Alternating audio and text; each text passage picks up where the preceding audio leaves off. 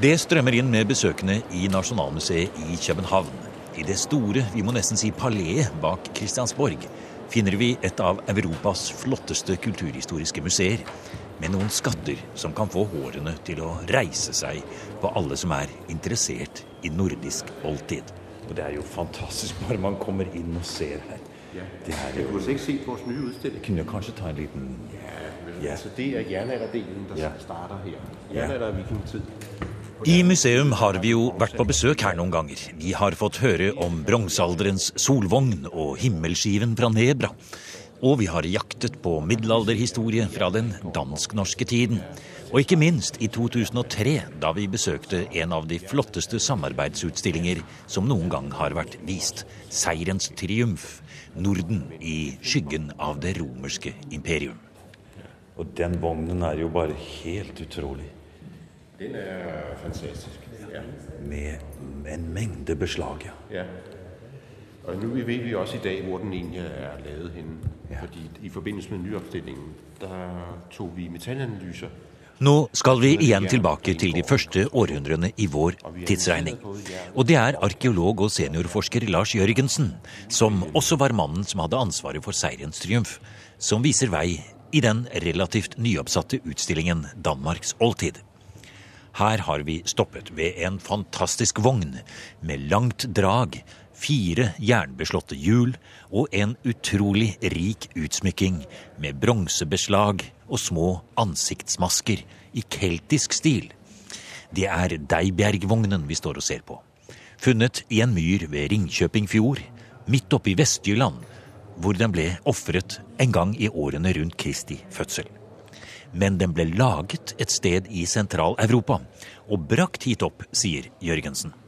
Så i princippet er det en, øh, en sydtysk Mercedes, rent udsagt. En sydtysk Mercedes, ja. Og vi ser jo her noe helt utrolig flotte eh, utsidinger her, da, i metallet som står her, og et ansikt i beslagene her, og en eventyrlig vogn. Jamen, det er et af vores hovedstykker, og den står også sådan i vores udstillingsrum. Altså, den står en stor fritstående montre, så det er en, man kan bevæge sig hele vejen rundt om den. Ja. Netop for at se de der fantastiske keltiske øh, masker, der er på som dekoration på den. Og det er jo, som nordmann så må man jo si at man tenker jo på da Osebergvognen. Ja, altså Dejbjergvognen, øh, som vi har her, det er helt klart en processionsvogn. Mm. Nu, som den står i vores udstilling her, så er den udstyret med det sæde, der tilhører den. Så mm. der kan sidde en person op på den. Ja. Men vi ved også, at man har kunne lave monteringerne om oven på vognkassen, sådan så man kunne køre med de store offerkedler også. Ja, De har været de store offerkjelene, ja. Ja. Og de står jo noen av dem her også, slik at den kunne brukes til forskjellige formål. Ja, Ja, vi har en af dem herhenne. ja der står det, ja. Vi går forbi en stor langmonter her med en mengde funn. Og der kommer det frem et, øh, en, en del av, men en veldig stor del av, en voldsomt stor kjelle. Ja, det er en, en Mathias, det den er fra sent, sent før romersk jernalder. Tiden lige før Kristi fødsel. Udstyret med øh, et, et mandshoved på randen og tyre, tyrefigurer. Og oprindeligt har den haft en diameter på lige under en meter. Men det er en af de store rituelle offerkedler, vi har faktisk flere af i det danske område, fra lige præcis den her periode. Og det er sådan en offerkedel, som man har kørt rundt med, eller man har kunne køre rundt med, monteret oven på Dejbjergvognen i forbindelse med nogle af de religiøse processioner. Hva er funnhistorien for denne fantastiske vognen vi står og ser på med dette lange draget? Alle fire hjulene mer eller mindre intakt, og hele kassen der med alle beslagene på. Altså det, for at gøre en lang historie kort, så har vi en fantastisk samling af genstande fra, i Danmark, som er fundet i gamle vådområder, altså gamle søer og gamle moseområder. Som vi i Norge kaller myr. Myren, ja. Og Dejbjergvognen er fundet i en af de her øh, mosedrag. Og den blev faktisk fundet sammen med dele af en anden vogn, og de lå skilt ad nede i den her mose. Der kan vi se, at den mose, som den lå nede i, den har oprindeligt været gravet helt tom for tørv. Så det vil sige, på det tidspunkt, hvor man lægger vognen ned, der lægger man den ned på tør bund. Vi kan se, at vogndelene, der er faktisk mange ormehuller i, i vogntræet. Senere så er det efterhånden blevet fyldt op med vand, sådan så der har stået en lille sø. Og det er karakteristisk. Igennem 3-4.000 år i Danmarks oldtid, der har vi deponeret eller lagt offergenstande ud i søer og i moseområder. Det har været den måde, som vi kommunikerede med den anden verden på. Det var igennem det her vandspejl, altså det blanke vand. Når man lagde det ned i det våde miljø, så skiftede man simpelthen sted, og man gik over i en anden verden. Så mange af vores store bebyggelser fra både bronzealder og jernalder, de har de her offersøer og offermoser liggende omkring sig. Og går man igennem den, vores Danmarks oldtidsudstilling, så er det lige før, at det er 50 procent af de genstande, vi har udstillet, de kommer fra de her øh, moser og, og søer. 50 procent av alle gjenstandene er myrfunn, ja. ja. Fantastisk. Det er, eh, det er, jo en flott eh, vandring vi går i her. Eh, bilder på veggene viser litt av hvordan selve funnsituasjonen er. Her kommer vi inn i et mørkt rom, og det ser jo nesten ut som en ny offerkjele vi ser her, som er badet i et sånt spesielt LED-lys, og relieffene stiger frem fra et, en mørk omgivelse. Mm. Det er et af de fineste fund, vi overhovedet har fra Danmarks holdtid. Det er sølvkedlen fra Gunnestrup. Mm. Og den blev fundet for lidt over 100 år siden, op i en lille nordjysk mose, der hedder Revmosen. Og der lå den, var den sat ud på den gamle moseflade oprindeligt. Og de sideplader, der er de her meget fine ornamenterede sideplader, der er på kedlen i dag, de var afmonteret, da man satte den ned, og de lå nede i bunden af den, da man fandt den. Men det er cirka små 10 kilo sølv, rent sølv. 10 kilo sølv, ja, fra ja. Nordjylland, ja. Fantastisk. Det er eh, så man blir rent andektig når man står her og, og ser den, for den står frem her i en veldig fin måte å vise den eh, rent utstillingsteknisk også, slik at den får en, en kraft i seg. Ja, men altså det er et fantastisk arbeid. Mm. Og når man går tett på og kikker på noen av de motiver der er på billedpladerne, så ser man jo både elefanter og tiger og løver. Ja, ja, for det er fantastisk. For det man ser først, det er jo mannsansikter. Og rundt disse ansiktene som stiger frem, så er det også da andre relieffer som kanskje skal si noe om den personens situasjon. Ja, altså det, det som vi regner med i dag, det er at det er en blanding av både keltisk kunst for eksempel netop de mandshuder, du lige har, har, har, har omtalt, de er typisk keltiske. Hvorimod dyrefremstillingerne, som du ser på indersiden specielt, mm. de er meget karakteristiske for tragisk sølvsmedarbejde. Sølvkæden er ikke lavet i det danske område. Nej. Den er fremstillet uden tvivl i sydøsteuropæiske område mm. en gang lige omkring eller lige før Kristi fødsel. Mm-hmm. Og det er altså en blanding mellem det tragiske fra de østlige stepper, og så den typiske europæiske keltiske kunst. Er vi så langt øst som Aserbajdsjan og det kaspiske hav? Og ja, vi, nei, vi er nede ved Sortehavet. Ved Sortehavet, ja. ja.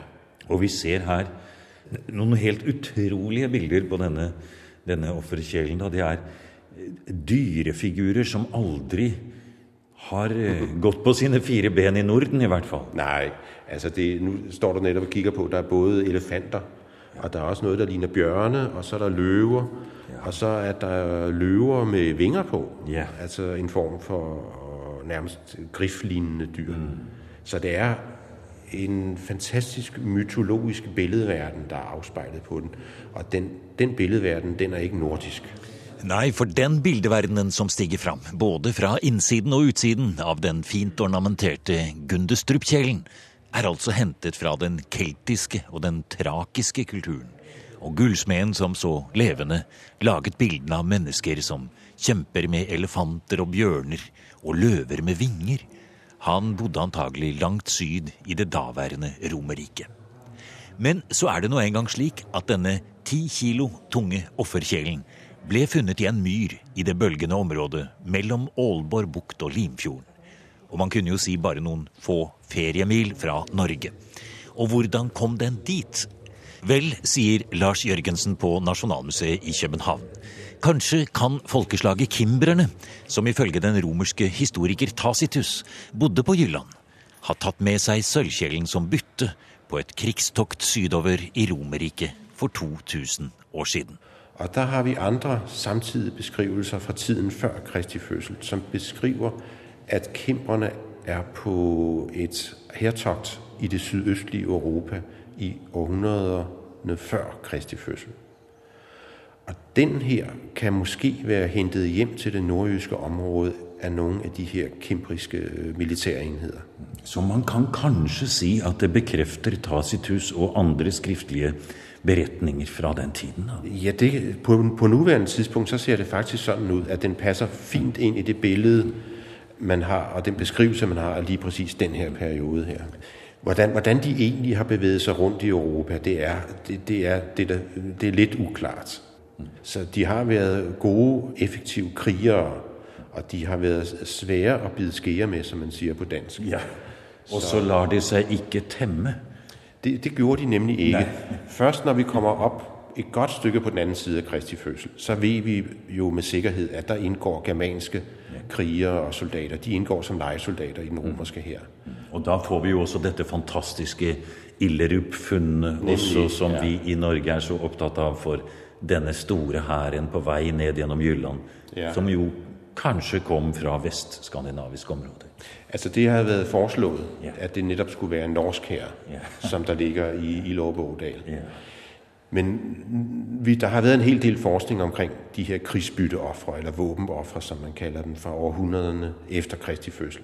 Og der kan man se, at de herrer, der er repræsenteret i dem, de er noget mere varieret, end man egentlig umiddelbart har forestillet sig. Og det er det typiske herre sammensat af forskellige legesoldater og legetropper. Så troppernes oprindelse, altså de enkelte soldaters oprindelse, den kan være meget forskellig. Nogle kan være fra Nordtyskland, nogle kan være fra Vestnorge, nogle kan være fra Vestsverige, andre kan være fra det polske område. Mm. Og det kan vi se på basis af deres, det man kalder for det personlige udstyr. Ja. De ting, som krigerne har båret på sin dragt, for eksempel. Og vi kjenner jo også navnet på noen av dem. Laguteva, Svarta og noen av de andre. La oss ta de navnene og den flotte uh, forestillingen du nettopp ga oss nå, med oss inn litt nærmere vår egen tid. For det er jo det vi har kommet for å, å høre med deg om, uh, Lars, i dag. Det er jo jernalderens religiøse forestillinger før kristendommen kommer til Norden. Ja.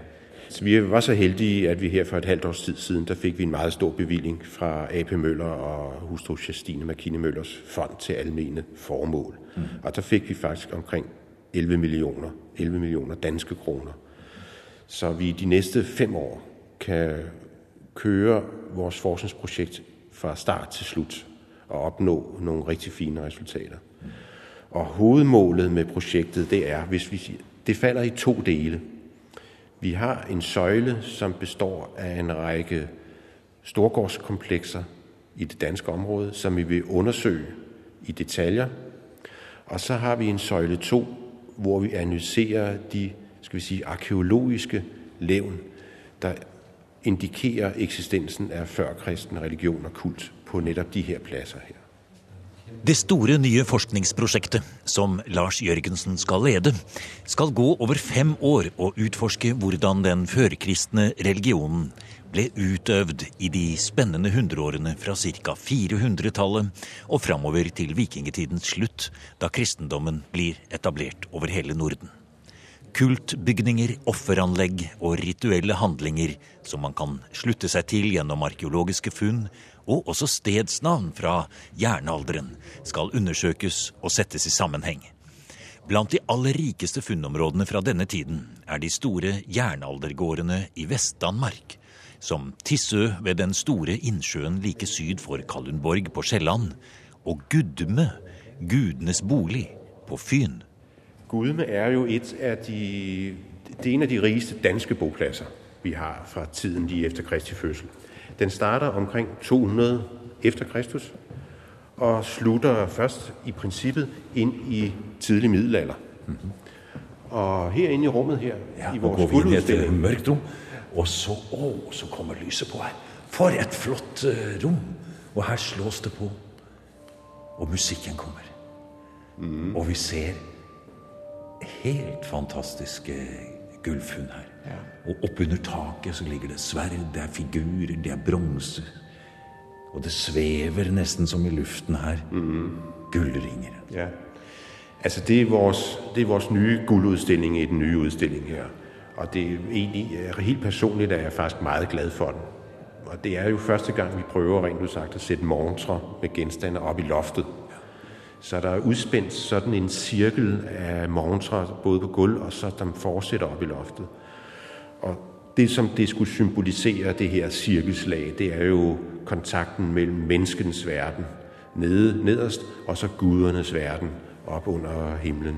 Ja. Og i to af morgenserne her til sidst, der har vi netop fundet fra Gudmeområdet på Fyn. Vi stanset her, og vi går lidt nærmere og ser, og her ser jeg det er en stor halsring som kan minde kanskje litt om det nye funn som dere også har gjort fra Gudme. Ja, det er rigtigt. Mm. Der er, Gudme har en fantastisk koncentration af guldskatte. Mm. Inden for et ganske lille område på cirka 5-6 kvadratkilometer, der har vi fundet jeg tror omkring 10-12 guldskatte med til sammen omkring 10 kilo guld.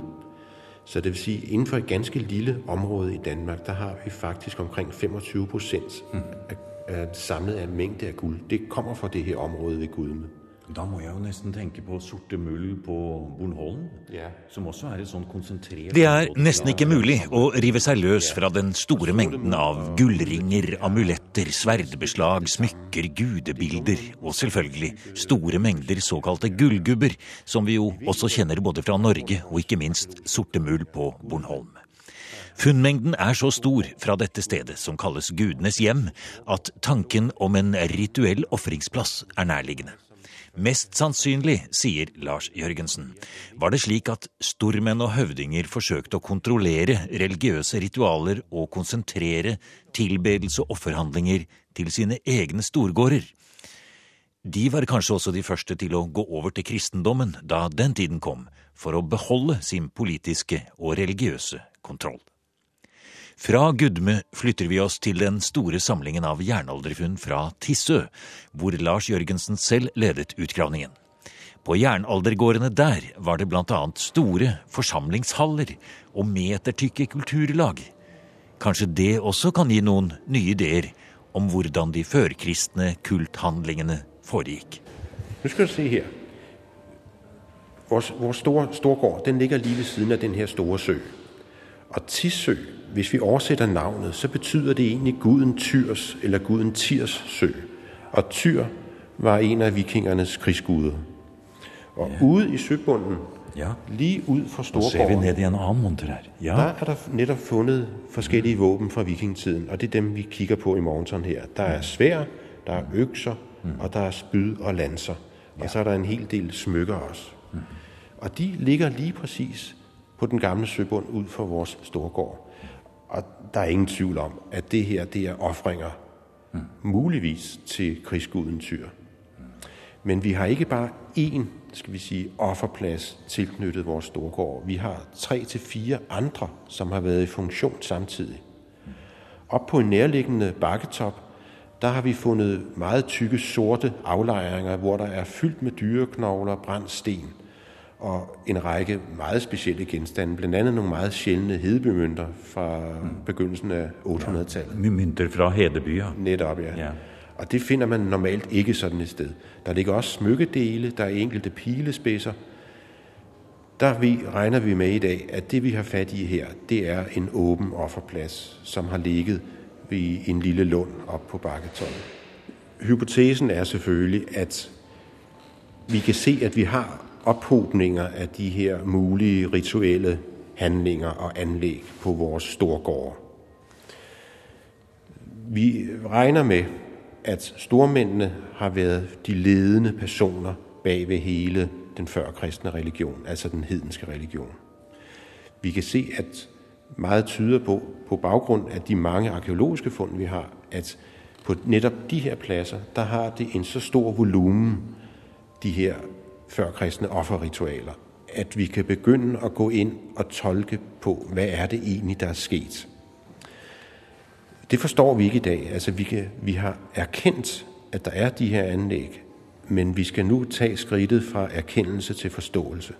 Det vil sige, at vi skal ind og forstå, hvad er det for handlinger, der ligger bagved de her rituelle anlæg. Mm.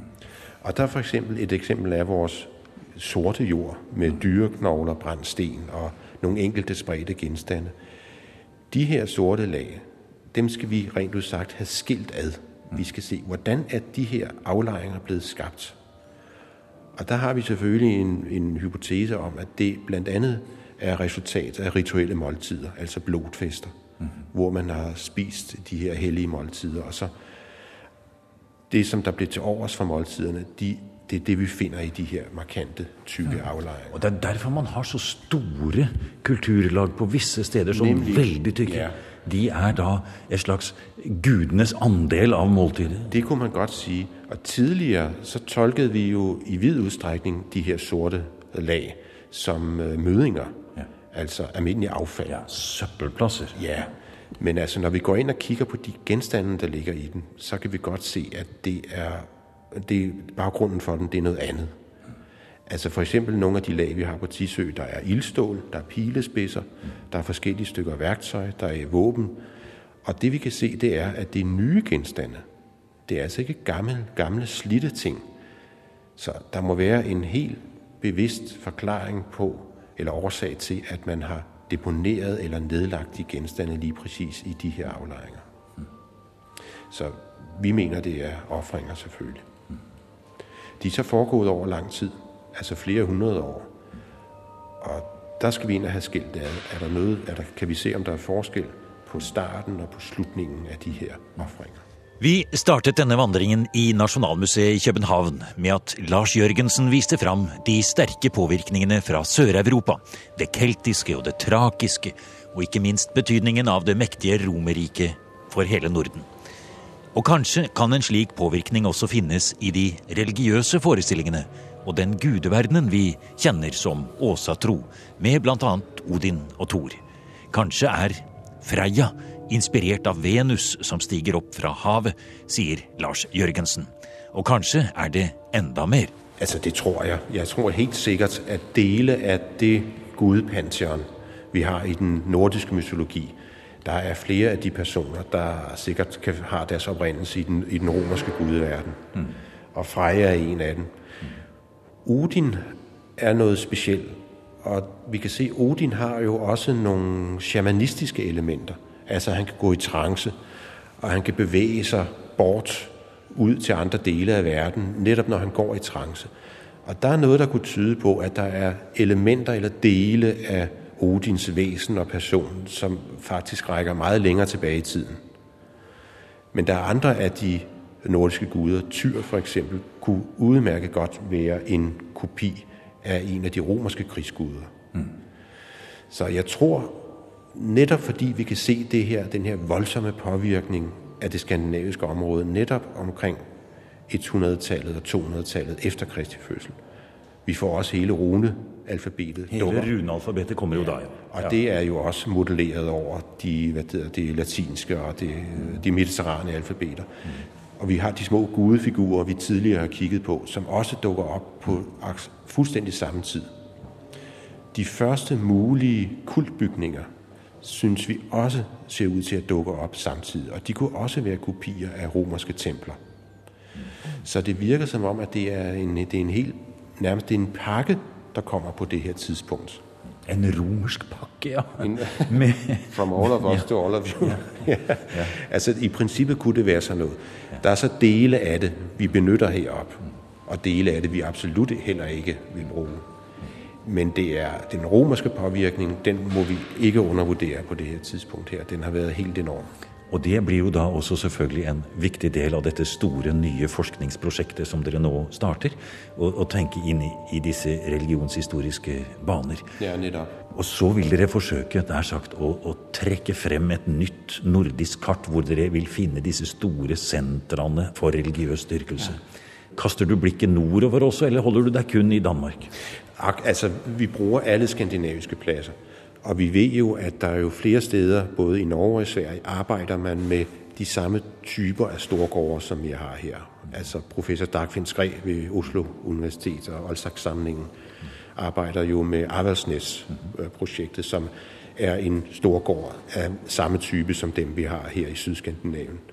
Og vi ved også, at svenske kolleger arbejder i Gammel Uppsala med de samme aspekter, og hvor der også ligger en stor gård. Vi ser altså et Norden som ikke ligger innhyllet i mørke og tilbakestående utenforskap, men nei, nei. faktisk veldig inkludert i Ja. datidens hovedstrømninger. Ja, Jamen, det er fuldstændig rigtigt. Og vi, vi, kan også, vi kan jo også se på de arkeologiske fund, for, specielt fra det tyske område, at de har jo stort set de samme, den samme religion i det område, øh, indtil de begynder at overgå til kristendom noget tidligere, end vi gør oppe i Norden. Men ellers er det de, det er de samme religiøse miljøer, der er begge steder. Så og det er helt klart, Skandinavien har været en del af kontinentet på det her tidspunkt her, og der har været meget tæt kontakt i, i visse perioder.